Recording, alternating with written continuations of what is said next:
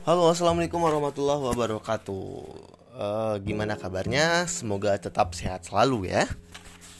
Oke, pada kesempatan kali ini, eh, ini akan kita kupas tentang eh, buku proses komunikasi eh, DKV yang memang ditulis di sini penulisnya Teddy Septia MDS dan Fernanda M. Afdal kebetulan saya sendiri. Nah, sebenarnya saya nggak ngupas terlalu panjang buat mahasiswa saya. Ini saya eh, lebih ceritakan sedikit atau lebih menjelaskan poin-poin yang dirasa agak bingung ya. Itu kita langsung loncat ke bagian kedua. Boleh silahkan disimak bentuk dan fungsi komunikasi. Nanti kita bakal belajar tentang semiotika komunikasi, tapi belum saatnya. Perlahan dulu ya. Uh, di buku ini ada tujuan pembelajaran. Nah, tujuannya itu adalah dalam mempelajari bentuk dan fungsi komunikasi, mahasiswa akan dikenalkan bagian-bagian dari bentuk komunikasi dari dan maksudnya dan fungsi dari komunikasi. Mahasiswa diharapkan mampu memahami setiap bagiannya mahasiswa dituntut juga aktif dan mengerti saat memberikan contoh kasus terhadap permasalahan komunikasi yang dipelajari pada bab ini. Nah, itu untuk uh, bagian A ya, tujuan pembelajaran. Kita masuk ke bagian B, pendahuluan. Komunikasi terbagi menjadi bentuk komunikasi personal, komunikasi kelompok, komunikasi media massa, dan komunikasi media. Perbedaan bentuk komunikasi salah satunya dibedakan dalam faktor penggunaan media. Secara umum, fungsi komunikasi adalah sebagai pertukaran pesan. Dengan begitu akan tercapai hubungan antar individu, kelompok dengan kelompok, dan individu dengan kelompok. Begitu juga seterusnya. Nah, ini pendahuluannya sedikit. Jadi maksudnya adalah komunikasi itu berbicara tentang pesan. Jadi memang secara umum komunikasi itu adalah bagaimana interaksi kita menyampaikan pesan atau pertukaran pesan atau memberikan informasi tentang pesan itu sendiri. Oke, itu ya. Kita masuk ke poin C. Itu uh, isi babnya ya. Bentuk komunikasi. Nah, ini ada beberapa bentuk komunikasi. Komunikasi persona. Uh, komunikasi persona dibagi juga dua. Yang pertama komunikasi interpersona dan komunikasi antar personal ya. Komunikasi interpersonal dulu. Komunikasi membicarakan tentang diri sendiri. Hal ini bisa dirasakan saat berbicara dengan orang lain dan kita juga mendengar suara kita sendiri yang sebenarnya salah ucap dan secepatnya kita perbaiki. Umpan balik yang datang dari diri sendiri itulah yang dinamakan umpan balik internal atau internal feedback. Dalam proses komunikasi sebagai komunikator perlu ada kewaspadaan terhadap kesalahan-kesalahan yang mungkin bisa terjadi saat proses komunikasi sedang berlangsung. Contohnya seperti uh, kalian uh, menawarkan jasa desain. Uh, maaf pak, ini uh, bapak sedang mencari seorang desainer. Kebetulan saya seorang desainer seperti itu ya. Oh iya, saya sedang mencari seorang desainer nih. Saya mau membuat uh, brosur sama media digital untuk perusahaan saya. Oh saya bisa pak, jawab kalian ya. Kemudian bapaknya nanya nih, berapa budget kamu biasanya? Kalian uh, secara tanpa pikir panjang ngomong, uh, kami mu nah sebenarnya kalau kalian bilang mu itu ya mau bilang murah gitu ya supaya dipilih sama orang gitu mu terus kalian tiba-tiba uh, maksud kami itu kami ini pak uh, bisa disesuaikan harganya nah jika kalian sudah uh, memperbaiki bahasa seperti itu dengan sedang memikirkan uh, oh kayaknya nggak benar gitu kan Nah, jadi itu adalah salah satu uh, kewaspadaan terhadap kesalahan-kesalahan gitu yang mungkin bisa terjadi saat uh, berkomunikasi. Nah, komunikasi dalam diri itu yang kalian bilang uh, murah tadi itu kan kalian komunikasi dalam diri murah, wah jangan murah deh, uh, cari bahasa yang lain gitu kan. Baru keluar ke bahasa uh, bisa diatur. Nah, komunikasi itu yang di dalam diri itu untuk memperbaiki kesalahan itulah yang dinamakan komunikasi interpersona gitu ya. Paham ya sejauh ini? Oke, kita masuk ke komunikasi antar persona. Komunikasi yang dilakukan antar antara individu dengan individu lainnya dalam proses komunikasi yang sedang berlangsung. Dalam komunikasi antar persona, komunikasi dilakukan dengan tahap uh, dengan tatap muka maksudnya atau face to face communication. Oke. uh, kita lanjut ke segmen kedua.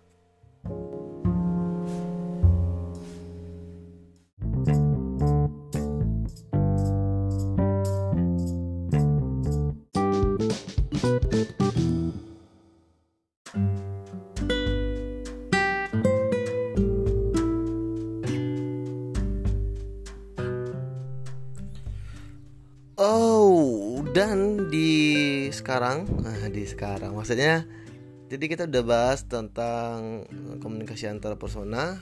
Antar persona udah tadi ya, komunikasi ke dalam diri dan antar persona komunikasi face to face.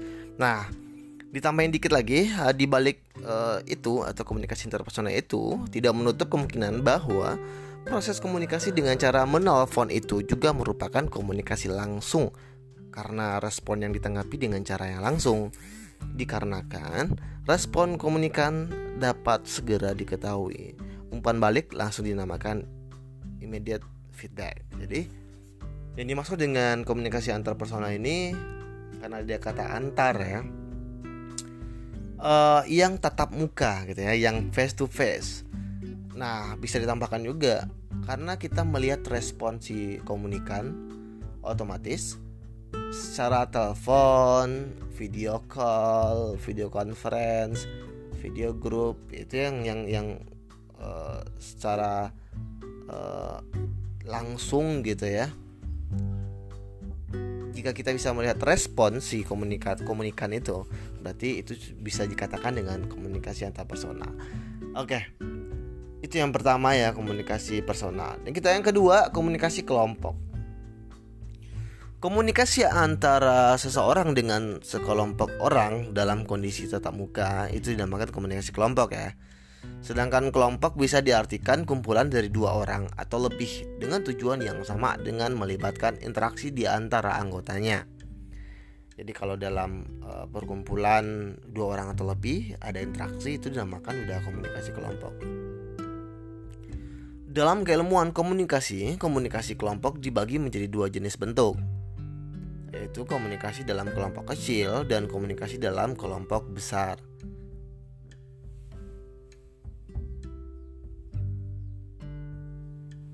Perbedaan pada dua kelompok ini bukan terletak pada banyaknya orang yang berada pada kelompok tersebut, tapi pada kualitas proses komunikasi menurut Tiestuti, Kusmiati, dan Hamdani di 2010. Komunikasi dalam kelompok kecil atau small group communication yaitu bertujuan mencapai perubahan pengetahuan dari komunikan. Jenis proses komunikasi ini bersifat dialogis seperti kuliah, ceramah, rapat, diskusi, dan lain-lain. Uh, komunikasi dalam kelompok besar atau large group communication yaitu bertujuan mengubah sikap komunikan. Hal ini biasanya bersifat heterogen seperti pekerjaan, eh, jenis kelamin, pendidikan, agama, dan lainnya. Jika dilihat dari pola perubahan, maka bisa kita contohkan seperti orasi pada suatu kegiatan. Ada contoh itu tentang uh, komunikasi kelompok besar. Jadi ada dua kelompok ya, kelompok kecil dan kelompok besar. Nah, semoga bisa dipahami. Oke, kita ketiga kelompok masa apa kelompok massa? Uh, dalam perspektif komunikasi komunikasi massa ialah komunikasi yang mempergunakan media massa sebagai bentuk proses komunikasi. Jika dilihat dalam bentuk psikologi sosial komunikasi massa tidak selalu menggunakan media massa. Jika sudah menggunakan atau menunjukkan perilaku massa, maka sudah tergolong kepada komunikasi massa. Komunikasi massa akan memerlukan waktu, untuk dapat melihat secara langsung karena membutuhkan tenggang waktu. Nah, kondisi ini akan menjadi risiko tersendiri bagi komunikatornya. Dalam maksudnya bahwa seperti ini, komunikator harus mempersiapkan pesan yang akan disampaikan sebaik-baiknya. Media massa juga dikenal sebagai media komunikasi jurnalistik, yaitu untuk membuat keserempakan informasi pada komunikan yang heterogen terhadap pesan-pesan yang dikirimkan oleh media sebagai komunikator. Jadi maksud uh, komunikasi massa ini memang yang menggunakan peralatan-peralatan media massa ya. Itu sudah bisa dikatakan komunikasi massa media massa. Oke. Kita akan next ke segmen ketiga.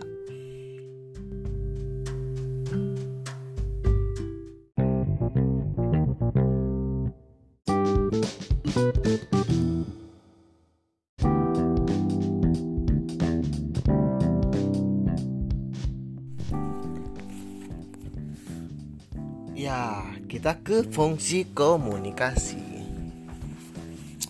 Secara umum, fungsi komunikasi adalah sebagai sarana untuk membangun hubungan sosial dengan satu individu dengan individu lainnya, individu dengan kelompok, dan kelompok dengan kelompok.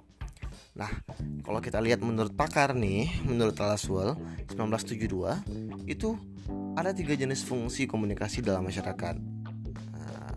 Nah, the surveillance of the environment, pengamatan terhadap lingkungan. Terus yang kedua, uh, correlation of the component of society in making a response to the environment. Nah, korelasi unsur-unsur masyarakat ketika menghadapi lingkungan. Nah, berikut yang terakhir, transmission of the social inheritance, penyebaran warisan sosial. Nah, jadi maksudnya uh, uh, the surveillance ini atau yang kalau kita bisa uh, artikan dengan pengamatan terhadap lingkungan ini itu fungsi komunikasi ini enggak hanya sebatas interaksi tapi kita mengamati nah, gitu.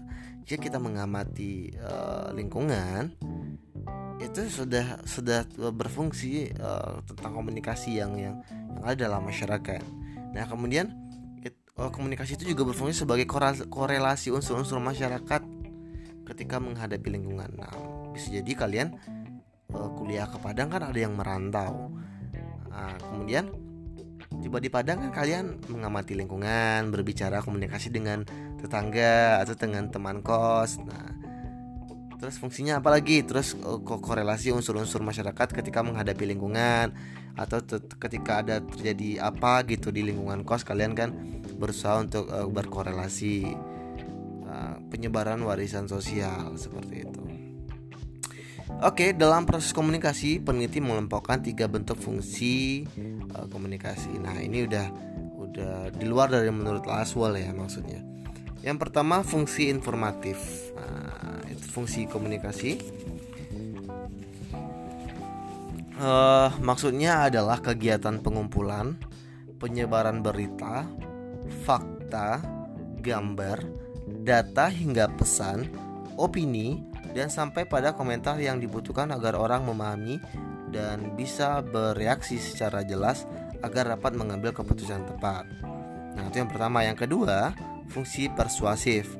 Kegiatan ini adalah proses meyakinkan orang lain, sementara dalam arti luas bisa dimaksudkan, dimaksudkan sebagai usaha untuk mempengaruhi pendapat, sikap, dan tingkah laku yang dilakukan berdasarkan bujukan atau ajakan. Hal ini bisa dicontohkan terhadap desainer yang memberikan masukan kepada klien terhadap apa yang dibutuhkan oleh klien tentang masalah desain. Berikut uh, tentang fungsi kolaboratif. Fungsi kolaboratif ini kegiatan uh, berkenaan tentang kerjasama yang di mana ada negosiasi terhadap satu kegiatan. Nah, namanya kolaboratif ya. Dalam ruang lingkup desain kerjasama dalam membentuk perancangan karya, tidak bisa kita lakukan sepihak misalnya kayak desainer nih kita uh, apa sedang bekerja sama sedang bermitra sama perusahaan lain kita sebagai desainer kita nggak bisa untuk melakukan sepihak aja kan perancangannya pasti harus bekerja sama harus membicarakannya kepada klien kita nah itulah fungsi kolaboratif dalam komunikasi jadi pentingnya informasi dari pihak perusahaan itu penting juga untuk karya yang akan dirancang. Begitulah kira-kira ya. Oke, kita akan ketemu di segmen terakhir uh, soal latihan.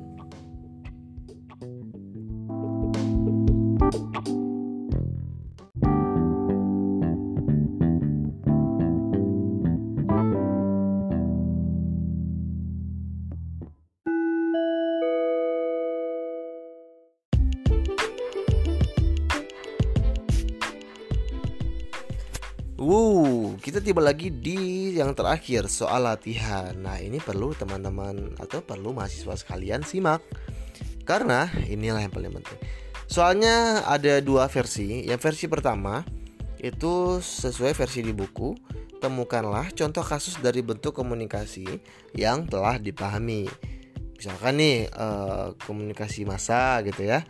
Uh, contohnya dicari beberapa contoh kasus, kemudian dibuat uh, artikelnya uh, dengan bahasa kalian sendiri ya. Uh, kenapa uh, bisa terjadi membludak uh, gara-gara media masanya dan aksi demo misalkan aksi demo atau komunikasi apalah gitu.